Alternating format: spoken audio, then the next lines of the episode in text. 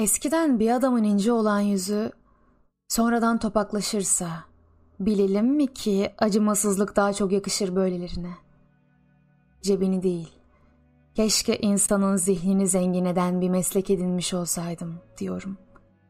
Sözlük yazarı mı olsaydım, kelime oyuncakçısı mı yoksa. İncecik, incecik bir güneş vursa penceremden içeri. Perdenin kenarında biliyorum. Gülümseyecek yüzüm, ılık bir lodos ya da alnım yeniden ışıklanacak. Ben sonradan görme arkadaşın. Hem rüzgara hem güneşe gülümsüyorum.